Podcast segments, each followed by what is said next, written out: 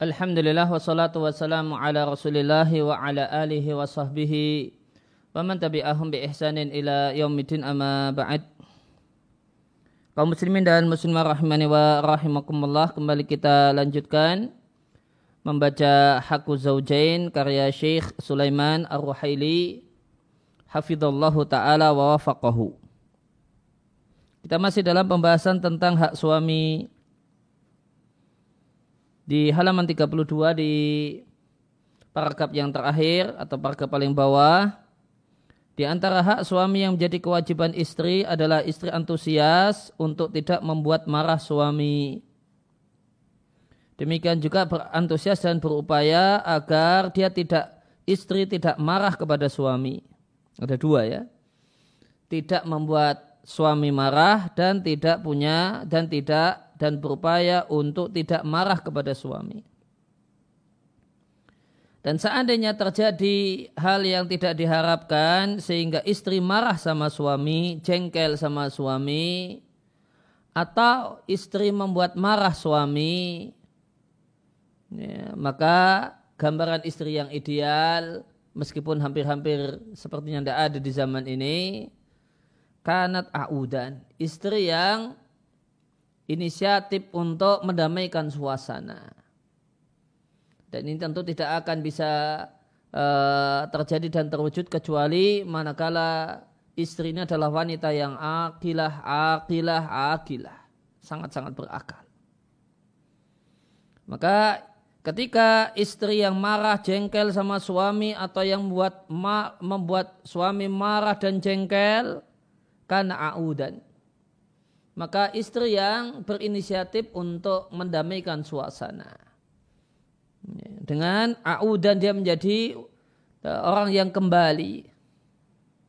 Apa yang dimaksudkan dengan kembali dijelaskan di kalimat berikutnya ta'udu ilaihi. Dia kembali kepada suaminya watas tardi watas tardihi dan meminta dan berupaya membuat ridho suami. Bahasa lainnya berupaya agar hilang jengkelnya suami. Nah ini idealnya ya, dan ini gambaran yang Nabi sampaikan nanti di hadis yang akan dibawakan oleh penulis gambaran wanita surgawi. Ya, yang ini hampir-hampir realitanya tidak kita jumpai. Ya. Bahkan sebagian istri itu semangatnya adalah membuat jengkel suami. Ketika dia jengkel, ya, maka dia punya semangat untuk gimana agar suami saya juga jengkel. Di halaman selanjutnya dikutip sabda Nabi Shallallahu Alaihi Wasallam di halaman 33, Nabi Shallallahu Alaihi Wasallam menyampaikan, Nisa hukum min ahlil jannah. Ya, wanita di tengah-tengah kalian yang merupakan bagian dari penghuni surga adalah wanita dengan kriteria sebagai berikut. Yang pertama adalah al-wadudu. Orang yang demikian besar cintanya kepada suaminya sehingga dia tidak melirik kepada lelaki yang lainnya dan tidak mengharapkan suami yang lainnya dan tidak mengangankan suami yang lainnya. Dan karena dia demikian besar cintanya kepada suaminya, ya, maka dia adalah wanita yang ya, ya, berupaya untuk ya, mengambil hati suaminya, romantis dengan suaminya, suka manja-manja dengan suaminya, tidak dingin dengan suaminya. Kemudian yang kedua adalah al-walud, wanita yang subur, memberikan banyak keturunan untuk suaminya. Kemudian yang ketiga al-a'udu ala zaujiha. Wanita yang kembali kepada suaminya apa itu yang dimaksud dengan kembali kepada suami dijelaskan di kalimat selanjutnya oleh Nabi alaihi salatu. Alati idza adat jika istri ini menyakiti ay adat zaujah menyakiti suami dan bikin bikin jengkel suami. Au atau dia diganggu oleh suami, dibikin jengkel oleh suami. Ay adaha zaujuha suaminya menyakitinya dan membuatnya jengkel. Wafiratin dalam satu riwayat idza ghadiba ai zaujuha. Jika suaminya marah kepada istri Maka ini sikap wanita yang disebut dengan aud. Ketika dia menyakiti suami, bikin marah suami, demikian juga ketika suaminya marah kepadanya. Karena perbuatannya yang membuat suami tersinggung dan marah. Maka jaat, maka dia datang mendekati suaminya. Dia yang berinisiatif untuk ya, menormalkan keadaan, membuat tenang suasana. Membuat kembali nyaman dan uh, dan mengajak suaminya untuk calling down, untuk tenang. Dengan cara dia datang kepada suaminya, mendekati suaminya, merapat pada suaminya, hatta tada ayadaha fi yadi kemudian dia pegang ya, dengan tangannya dia pegang tangan suaminya. Dia letakkan tangannya pada tangan suaminya, dia pegangi tangan suaminya. Thumma taqul kemudian suami eh, kemudian dan suaminya mener, dan suaminya tidak menolak dipegang tangannya karena suaminya juga eh, lelaki yang saleh. Kemudian wanita yang sangat salihah ini mengatakan wallahi la aduqa ghamdan. Demi Allah aku tidak bisa menikmati, tidak bisa mengicipi tidur, tidak bisa memejamkan mata hatta tarda. Sampai engkau wahai suamiku engkau ridha dan kau tidak lagi jengkel dan marah kepadaku. Sampai kemudian suasana rumah kita adalah suasana yang tenang tanpa ada rasa saling jengkel di antara kita berdua.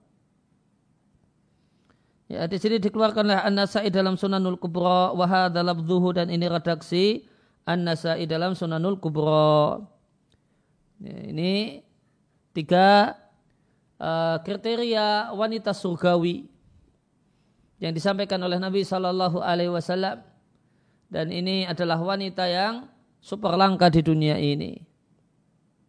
Oleh karena itu layak sekali karena sangat langkanya wanita semacam ini layak sekali Nabi katakan Nabi puji wanita ini dengan sebutan nisa ukumin ahlil jannati. Ini perempuan atau istri kalian dari penduduk surga. Oleh karena itu wanita salihah yang penuh dengan berkah, dia takut dan dia takut dan dia khawatir suaminya marah kepadanya. Di annaha ta'lamu karena dia menyadari bahasanya Nabi Shallallahu Alaihi Wasallam bersabda, ada tiga jenis orang yang solatnya dan pahala amal solatnya tidaklah melewati telinganya.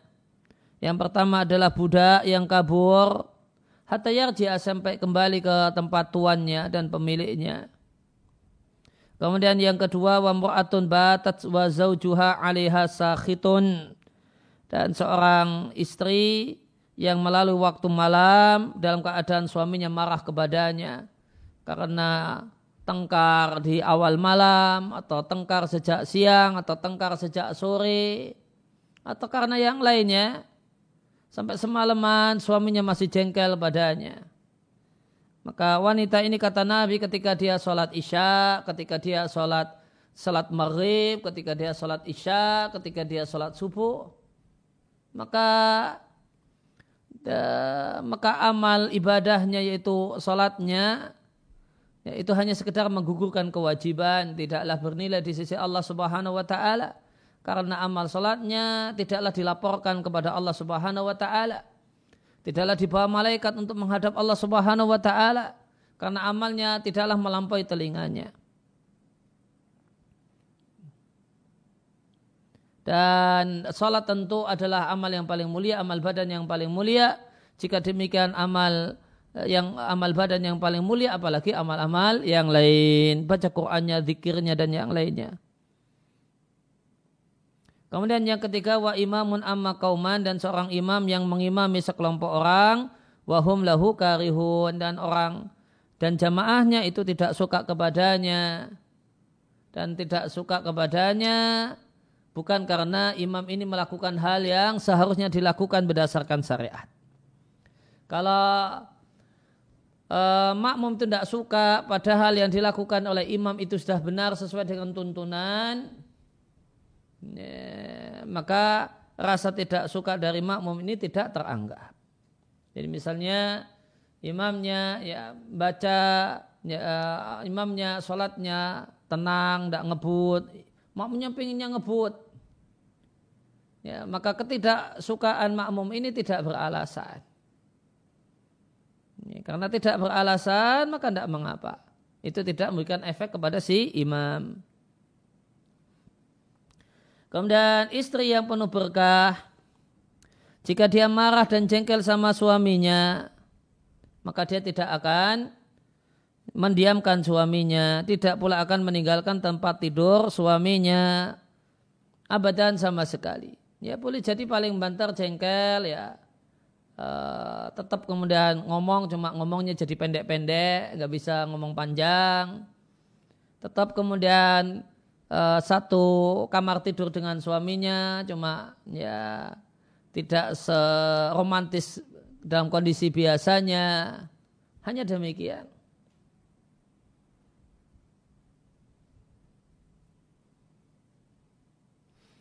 Walau kanat ghadibatan meskipun dia jengkel dan marah kepada suaminya. Li'annaha karena istri ini betul-betul menyadari bahasanya nabinya asadikul masduq. Seorang yang eh, benar perkataannya dan seorang yang mendapatkan berita yang benar yaitu berita wahyu sallallahu alaihi wasallam menyampaikan Idza batatil mar'atu muhajiratan firasha zaujiha. Jika seorang wanita menjalani waktu malam dalam keadaan meninggalkan tempat tidur suaminya, la'anat sal malaikatu hatta tarji'a. Maka malaikat senantiasa mendoakan laknat untuknya agar Allah tidak menyayanginya. Agar Allah tidak melimpahkan kasih sayang kepadanya sampai dia mau kembali ke tempat suaminya. Fa'ainan nisa'u min hada. Di manakah ya, sikap para istri-istri, para perempuan dengan hadis-hadis ini? Aina nisa'u hadaz zamani di manakah posisi para perempuan di zaman ini dengan ketentuan di atas. Maka di manakah sebagian perempuan yang jika jengkel ya jika jengkel sama suami akhudat hakibataha di halaman 34 kemudian dia ambil kopernya. Ya, kemudian dia pergi pulang ke rumah ya ke rumah keluarganya wabakiyat dan tetap tinggal di rumah keluarganya selama berhari-hari tidak mau kembali, nunggu dijemput. Nunggu suaminya merengek-rengek, kemudian menjemputnya. Padahal yang punya kewajiban kembali adalah si istri. Supaya dia selamat dari doa malaikat, doa laknat malaikat. Dia yang kembali.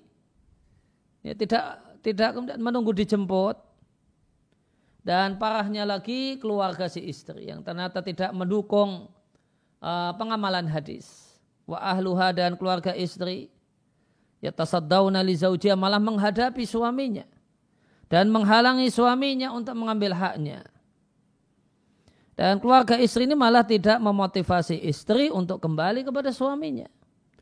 Ya, kalau dia statusnya ayah dan walinya tidak mendidik si istri dengan memberikan nasihat, tidak pula mengajari si istri, pastinya dia punya kewajiban untuk kembali. Bukankah tindakan ini, kata orang Jawa, puri, kembali ke rumah keluarga karena habis cekcok dengan suami. Bukankah tindakan ini adalah muhajiratan li firasi zaujiha, meninggalkan tempat tidur suaminya. Inna wallahi la zaujatun.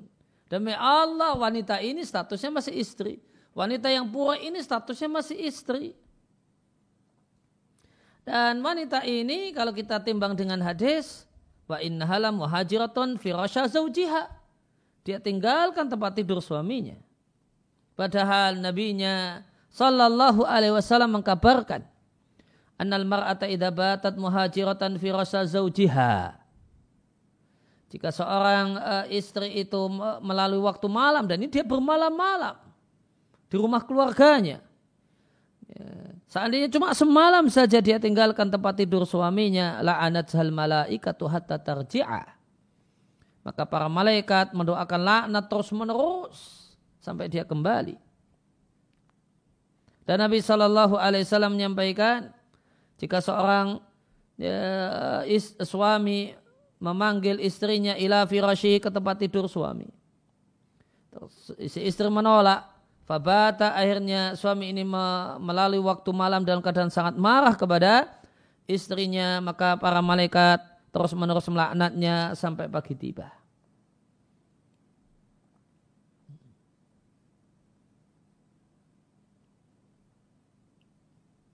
Mohon catatan penting tentang hal ini tentu masing-masing itu ada ada tempatnya. Ya, maka hendaknya inilah yang disadari oleh para istri sebagaimana ya, ya, dan hendaknya yang disadari oleh para, para suami hendaklah menjadi laki-laki yang mulia dan laki-laki yang mulia adalah yang memuliakan wanita. Maka masing-masing semangat melakukan apa yang menjadi kewajibannya. Kemudian selanjutnya di antara hak suami yang menjadi kewajiban istri adalah dada ilaihi. Hendaklah dia mencari cinta suami. Semangat untuk mengambil hati suami. Ini sebagaimana nanti akan dijelaskan bahwa seorang suami juga semestinya semangat untuk mengambil hati istri. Ini. Jadi yang terjadi bukanlah uh, hanya satu sisi saja karena nanti ada jenuh, kemudian ada titik jenuh kalau cuma satu sisi. Suaminya sungguh-sungguh mengambil hati istri, namun ternyata istrinya dingin. Dia cuma inginnya didekati, namun tidak mau mendekati. Ya, maka nanti ada titik jenuh dari si suami. Demikian juga sebaliknya, jika istri semangat untuk mengambil hati suami, namun suaminya cuek, ya, masa bodoh, tidak peduli, tidak membalas, maka ada titik jenuh pada diri istri. Demikian juga hendaklah dia kasihan dengan suaminya. Ya, tidak kemudian uh, boleh saja seorang istri meminta suaminya untuk bantu-bantu urusan rumah, namun ya lihat-lihat tentunya. Ya, kalau kemudian dia tahu hari ini suaminya agendanya banyak sibuk, sampai di rumah masuk kemudian dituntut ini cucian piring belum selesai mas. Ini jemurannya. Belum dijemuri mas. Gini gini gini. Ini namanya tidak kasihan. Maka istri yang istri yang baik dia tahu kondisi. Kalau kondisinya kondisi memang padat full kegiatan ya istirahat dulu mas. Ya pulang malah sampai rumah. Ya ma dipersilahkan untuk istirahat dikondisikan untuk istirahat. Nanti uh, piring kotor yang numpuk ya nanti ya, nanti uh, saya yang akan beresin atau ya nanti sajalah besok pagi kalau mas sudah pres ya. atau yang lain atau uh, statement-statement yang lainnya yang uh, bikin tentram hati suami. Ini bukti sayang istri kepada suami. Wa antakuna sakanan lahu dan adalah dia menjadi tempat ketenangan bagi sesuami ketika suami mendekati istrinya ya, mendapatkan kenyamanan. Dan suami tidak akan mendapatkan kenyamanan ketika suami mendekati istri namun istri malah sibuk dengan HP-nya dan gadgetnya suaminya mendekati istrinya dalam keadaan sudah menanggalkan HP dan gadgetnya dekat-dekat dengan istri ingin kemudian dapat kenyamanan dari istrinya malah istrinya sibuk dan asik dengan dengan jajetnya apalagi sambil senyum-senyum dan dan suaminya dicueki maka istri tidak jadi sakanan lahu jadi tempat ketenangan bagi suami karena itu ketika istri itu e, ingin menjadi istri yang terbaik yang di antara ciri istri yang terbaik itu jadi tempat ketenangan bagi suami di antara kiat pentingnya tinggalkan jajet, tinggalkan HP ketika suami mendekat. Nih. Maka ketika suami datang mendekat, ajak ngobrol suami, nih, atau ceng, bercengkrama dengan suami. Nih, jangan kemudian asik dengan gadgetnya, dengan HP-nya dan tidak dan uh, sudah kemudian ditatap oleh suami, sudah disindir oleh suami juga tetap asik. Ini sikap yang tidak benar. Meskipun juga sebaliknya demikian, seorang suami ketika istrinya mendekat, ya, maka hendaklah dia tinggalkan jajetnya dan yang lainnya. Ya, dia respon dengan hangat kedatangan istrinya apa yang diinginkan atau dia istri ingin bermanja-manja dengan suami dan seterusnya. Waqat qala ta'ala dan Allah ta'ala berfirman, "Wa min ayati an khalaqalakum min anfusikum aswaja." Dan di antara tanda kekuasaan Allah Allah ciptakan untuk kalian dari diri kalian sendiri sesama manusia aswajan pasangan. Apa tujuan pernikahan di taskunu ilaiha? Supaya engkau mendapatkan, supaya kalian mendapatkan ketenangan, ketenangan dengan pasanganmu. Dan ketenangan ini hilang gara-gara jajet. Nah, itulah dalam tanda kutip manfaat besar jajet. Nah, dalam merusak ya, keharmonisan rumah tangga.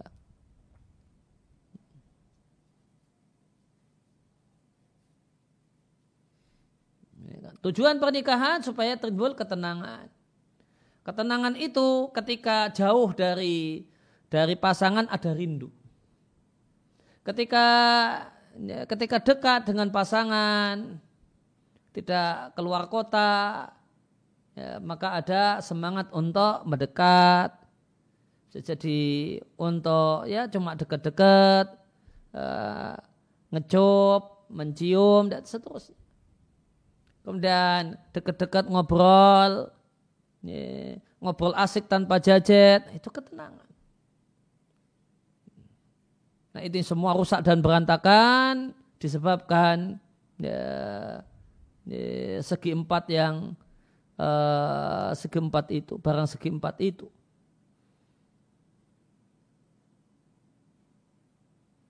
Kemudian wajah Allah bainakum mawadah warahmah dan Allah jadikan di antara kalian rasa cinta dan kasih sayang.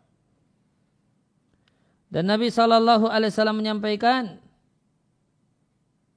Nisa min al jannati al wadudul waludu al aud. Istri kalian atau wanita-wanita kalian yang merupakan bagian dari penghuni surga adalah orang wanita yang wadud yang sangat besar cintanya kepada suaminya. Maka dia berupaya untuk mengambil hati suaminya Ya, maka sudah menjadi satu paket baku suaminya pulang dari luar kota, pulang-pulang air hangat sudah tersedia untuk minum hangat, untuk mandi dengan air hangat. Ya, tidak harus kemudian di, ya, tidak harus di harus dimintai, namun sudah menjadi sudah satu uh, apa, ya, SOP baku dari wanita yang al-wadud yang besar rasa cintanya kepada suaminya. Dia tahu kemudian suaminya lapar, ya, maka dia siapkan ya, makanan sehingga pulang dalam keadaan ketika suaminya dalam keadaan sangat lapar di rumah pun telah tersedia hal yang mengenyangkannya dan menghilangkan lapar tersebut al-walud yang uh, yang subur al-aud yang kembali yang suka mengalah ketika ribut dengan suami Falmar'atul mubarakah maka wanita yang penuh berkah itu tatawad dadu berupaya untuk mengambil hati suaminya dengan lisannya dengan perkataannya. Hatta lau balagat fi hada bahkan seandainya dia berlebih-lebihan. Dalam hal ini wakada badan bohong di halaman 35 kepada suaminya dengan sesuatu yang menangkan yang menyenangkan suami ketika suami mendengarnya. Maka tidak mengapa Ya boleh jadi rasa cinta sudah berkurang karena satu dan lain hal. Dia katakan, ya, wahai kekasihku, wahai cintaku, wahai sayangku. Ya, padahal ya sudah tidak begitu-begitu sekali. Cuma ada perkataan, ya, cuma tetap dipertahankan secara lahiriah perkataan-perkataan yang uh, mempererat hubungan uh, suami istri dan merekatkan keadaan rumah tangga. Dan demikian juga suami. Tadi semestinya suami yang baik itu juga berupaya untuk mengambil hati istrinya meskipun dengan ucapan-ucapan yang mengandung unsur dusta ya bahasa praktisnya ya gumbal gitu. Ya, merayu ya, yang sebagiannya tidak begitu sesuai dengan kenyataan tidak mengapa asal ya, itu tidak mengapa. Yang penting istrinya senang berbunga-bunga Meskipun sebenarnya keadaannya tidaklah ya, tidaklah semacam itu.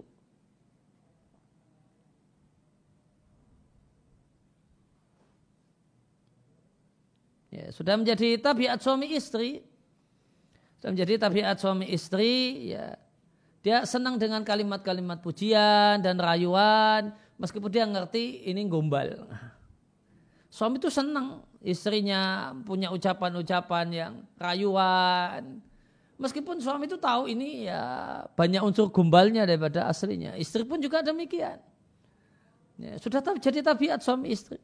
Dia tuh senang dengan kalimat-kalimat pujian, sanjungan, rayuan. Meskipun dia tahu ini unsur gombalnya lebih banyak daripada aslinya. Waqat rahasan Nabi sallallahu alaihi wasallam dan Nabi sallallahu alaihi wasallam memberikan keringanan untuk bohong dalam gombalan seorang suami kepada istrinya dan omongan rayuan dan gombalan seorang istri kepada suaminya. Maka tidaklah mengapa seorang istri ya, ya, berdusta atau kemudian memasukkan unsur dusta dalam rayuannya dan gombalannya kepada suaminya. Misalnya antat quralahu min hubbiha dia sebutkan kepada suaminya betapa besar cintanya kepada suaminya. Malaysa fi qalbiha. Padahal aslinya hatinya tidak seperti itu. Dia katakan kepada suaminya, "Duh suamiku yang tersayang." Laki-laki yang kemudian bertahta di singgah sana cintaku. Padahal ya tidak seperti itu. Sebenarnya ini ya jengkelnya juga ini kayak gini ya. Suaminya ini suami jengkelin juga ini sebenarnya. Tapi dia katakan dia gombal untuk suaminya malaysa fi biha. Sesuatu yang tidak real di hatinya. Itu tidak mengapa. Suami juga nah, ya, di tidak bakalan ada suami marah karena tahu digombali. Ya. Dia ngerti ini gombal, ini banyak unsur bohongnya, tidak seperti ini aku ya, di hati istriku. Namun dia ya senyum-senyum aja. Paling-paling kemudian dipeluk gitu. Kan. terima kasih gitu. demikian juga sebaliknya istri pun juga seperti itu antas ya suruhu ya dia sebutkan kepada suaminya hal yang menyenangkan suaminya ya hal yang menyenangkan suami ya, ya jika suami mendengarnya ya, di antaranya adalah ya ketika ada masa lalu dan yang lainnya tidak usah disebutkan Sebutkan sekarang, keadaan sekarang. Ya, maka di antara semangat seorang istri yang baik adalah menyebutkan kepada suaminya hal yang menyenangkan, ya, hal-hal ya, yang menyenangkan jika didengar oleh sesuami. Walau kana ta'lamu annaha kadzibah. Meskipun ya si istri ini juga sebenarnya menyadari kalau dia bohong, rayuannya itu ya, 100% gombal gitu. Ya, demi keadaan rumah tangga yang sudah lama dibangun puluhan tahun dibangun demi anak-anak. Ya. Dia singkirkan perasaan-perasaan uh, tidak nyaman dengan suaminya. Dia paksakan hatinya demikian dan lahiriahnya pun juga demikian. Hadha fihi dan ini satu hal yang uh, diberi kelonggaran. Dan wanita salihah itu tatawat dedu berupaya untuk mengambil cinta suaminya di antara caranya bihusni madhariha. Dengan memperbagus memperbagus tampilan lahiriahnya dengan berdandan dengan bersolek dengan bermake up. Apalagi jika itu satu hal yang disukai oleh suami dan itu tidak melanggar syariat pakai bedak pakai uh, lipstick atau yang lainnya pakai parfum ya, rambut yang wangi badan yang wangi dan ya, ruangan yang wangi, pakaian yang seksi. Ya, maka ya, satu hal yang wajib disadar oleh para istri, ini satu hal yang berpahala.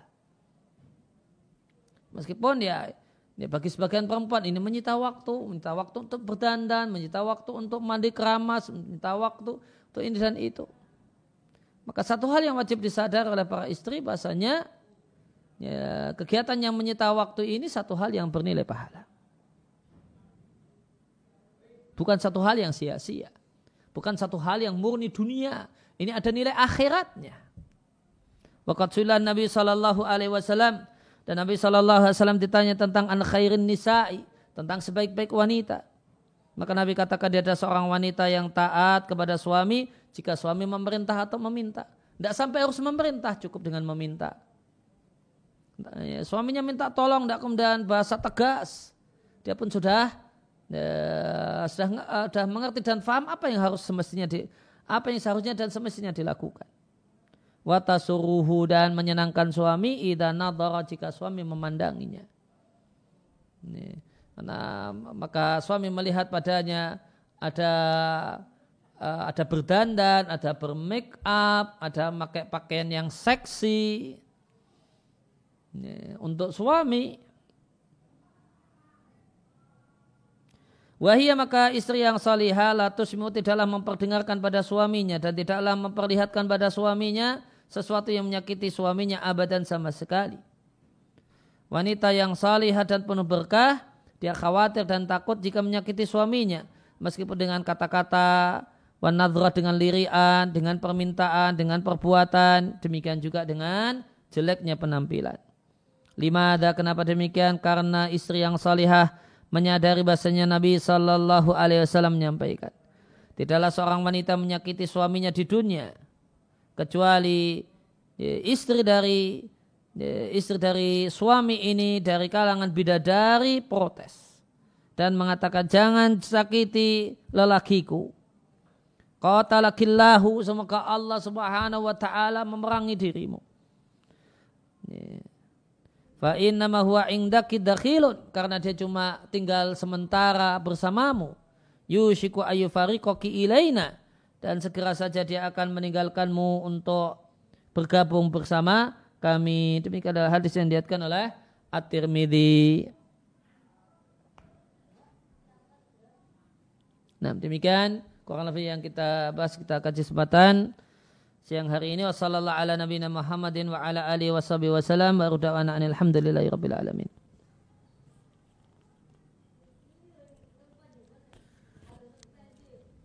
Baik, Sat, uh, ada pertanyaan?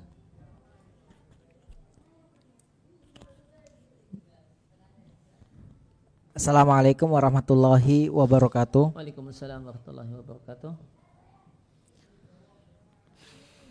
Saat bagaimana jika ada istri ketika marah, cara dia menghilangkan marah dengan pergi menenangkan dirinya terlebih dahulu, lalu mendatangi suaminya keesokan harinya. Ya boleh, tapi kalau sampai keluar rumah tanpa izin, suami tidak boleh. Ya, karena tuh keluar rumah, memaksakan di keluar rumah tanpa izin suami itu nusuz. Ya, maka ya dia menangkan diri di kamar yang lain, di bagian kamar yang lain. Ya, ya tapi yang paling pokok tidak boleh meninggalkan rumah tanpa izin suami. Ya, meskipun idealnya ya dan semestinya ya tidak dia tinggalkan uh, yang jelas dia tidak dia tinggalkan rumah suaminya. Nah. Baik, saat uh, eh, pertanyaan yang kedua saat Assalamualaikum Ustaz. Amin. Ustaz, apakah bisa diartikan makanan pada saat walimah itu adalah sebagai sedekah dari mempelai untuk para tamunya? Tergantung undangannya. Kalau misalnya pagi undangannya fakir miskin, maka itu sedekah. Nanti kalau siang kemudian undangannya orang-orang kaya, ya cuma ini ngasih makan orang kaya. Ya, ya hadiah statusnya. Nah. Baik, Sat, uh, pertanyaan berikutnya, Sat. Bismillah, Assalamualaikum warahmatullahi wabarakatuh. Waalaikumsalam warahmatullahi wabarakatuh. Semoga Allah senantiasa menjaga Ustadz dan keluarga. Amin. Ustadz, bagaimana batasan aurat wanita di depan orang tuanya? Dan manakah yang lebih baik antara mengenakan daster di atas lutut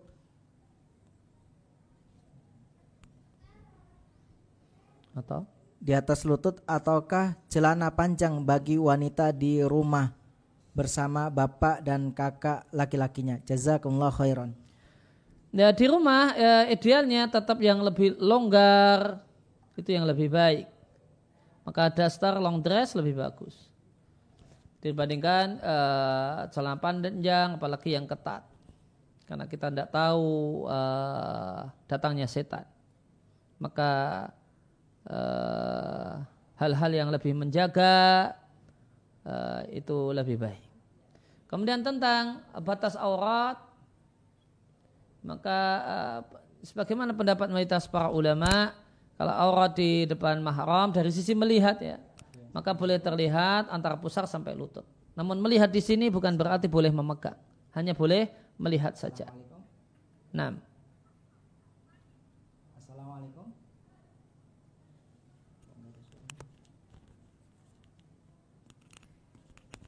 Baik Ustaz, uh, pertanyaan berikutnya Ustaz. Bismillah, Assalamualaikum warahmatullahi wabarakatuh. Waalaikumsalam warahmatullahi wabarakatuh. Mudah-mudahan Ustadz, tim dan saudara-saudara sekalian selalu dilindungi Allah. Amin. Ustadz, insya Allah saya akan menikah. Tapi bagaimana ya Ustadz, ada beberapa step ibu saya menginginkan sedikit musik Jawa dan mengadakan pengajian sebelum pernikahan. Saya sudah coba untuk menjelaskan dan, dengan baik-baik sehingga dengan cara saya menangis untuk tidak mengadakannya. Apakah ada batasan-batasan atau solusi yang terbaik Ustadz dan apa yang saja apa saja yang harus saya lakukan jika ibu saya mengajak debat atau marah-marah kepada saya. Saya sedih kalau ibu saya sudah keras dan berkata Islam itu fleksibel Mohon doanya Ustaz. Ya, Allahumma yasir umurana wa umurul muslimin. Uh, berkenaan dengan dua hal yang disebutkan dalam redaksi pertanyaan, ada pengajian, maka tidak mengapa ada pengajian. Ya, diterima saja tidak masalah itu. Kemudian yang kedua tentang ada uh, hiburan yang nilainya maksiat, ya nego eh, sebisa mungkin kalau mentok ya insya Allah mudah-mudahan uh, penanya tidak berdosa ya karena sudah melakukan maksimal apa yang jadi kemampuan fatakullaha mustata'tum bertakwalah kalian pada Allah semaksimal kemampuan kalian. Nah. Baik, saat uh, pertanyaan berikutnya saat Bismillah. Ustaz, bagaimana cara menasihati orang tua bila ada laki-laki yang datang melamar namun ia memberi syarat seperti harus selesai dulu kuliahnya sedangkan fitnah sangat besar. Ya bisanya ya, ya, ya doa yang memungkinkan untuk dilakukan yang pertama doa, kemudian ngobrol dari hati ke hati, sampaikan sudah ada kebutuhan mendesak untuk ini, untuk menikah, khawatir terjumus dalam godaan lawan jenis yang luar biasa. Ya, yang mungkin bisa mengambil ambil pelajaran dari kejadian-kejadian yang terjadi. Ya, boleh jadi kasus-kasus yang terjadi sudah menikah saja tertimpa uh, masalah ini apalagi yang belum menikah. Nah maka itu ketika ada obrolan terkait dengan hal itu manfaatkan untuk uh, memberi masukan kepada orang tua agar lebih mempermudah uh, anaknya dalam pernikah dalam menikah. Nah. Baik, Sat, uh, pertanyaan berikutnya Sat. Apa yang menjadi batasan bahwa kita tidak akan terjerumus harokah juga jika calon istri atau suami merupakan orang haroki atau orang tarbiyah? Bagaimana cara mengetahuinya? Mohon penjelasannya Ustaz. Ya, maka uh, supaya terhindar dari tidak mendapatkan hal-hal atau calon yang tidak diharapkan, maka di sinilah pentingnya uh, Mbak Mak Jomblang, pentingnya perantara yang membantu untuk ini. Ya, maka kemungkinan yang ditanyakan itu bisa berpeluang terbesar terjadi kalau cari sendiri. Ya, dalam keadaan ya ndak ndak ndak punya pengalaman ya, dan tentu umumnya perantara itu lebih berpengalaman, lebih tua, lebih senior, sebagiannya lebih berilmu sehingga dia bisa uh, ngasih arahan-arahan. Satu hal yang tidak akan terwujud jika cari sendiri. Nah, baik saat uh, pertanyaan berikutnya saat saat ada wanita yang tanda sucinya kadang keluar kosatul baidah, kadang tidak. Setelah menunggu satu hari dari jufuf tidak keluar kosaitul qaidah. Ia mandi setelah hal itu keluar lendir kecoklatan. Apakah ia wajib sholat atau apakah ia harus menunggu sampai keluar kosa, uh, kosatul baidah? Jazakumullah khairan. Ya tanda uh, sucinya wanita dari haid ada dua, keluar kosatul baidah atau jafaf atau kering. Nah kalau kalau bisa dipastikan setiap bulan itu ada kosatul baidah, maka tunggu datangnya kosatul baidah baru dinyatakan suci. Tapi kalau kadang muncul kadang tidak, maka dengan jafaf dengan kering nggak ada darah yang keluar sudah suci. Sehingga setelah itu keluar bercak kecoklatan maka dia bukan haid. Nah. Baik saat uh, eh, pertanyaan terakhir dalam kesempatan kali ini Ustaz. Assalamualaikum warahmatullahi wabarakatuh. Waalaikumsalam warahmatullahi wabarakatuh. Ustaz, bagaimana sikap istri yang sedang hamil muda belum bisa melayani suami untuk berhubungan karena kondisi kehamilan yang rentah. Jazakumullah khairan. Ya, berikan solusi kepada suami dengan onani suami sehingga hasratnya tetap terpenuhi dan onani dengan tangan istri atau dengan uh, atau uh, atau bagi bagi istri dengan tangan suami satu hal yang halal. Nah. Demikian. Ya subhanakallahumma bihamdika asyhadu an la ilaha illa anta astaghfiruka wa atubu ilaik. Wassalamualaikum warahmatullahi wabarakatuh.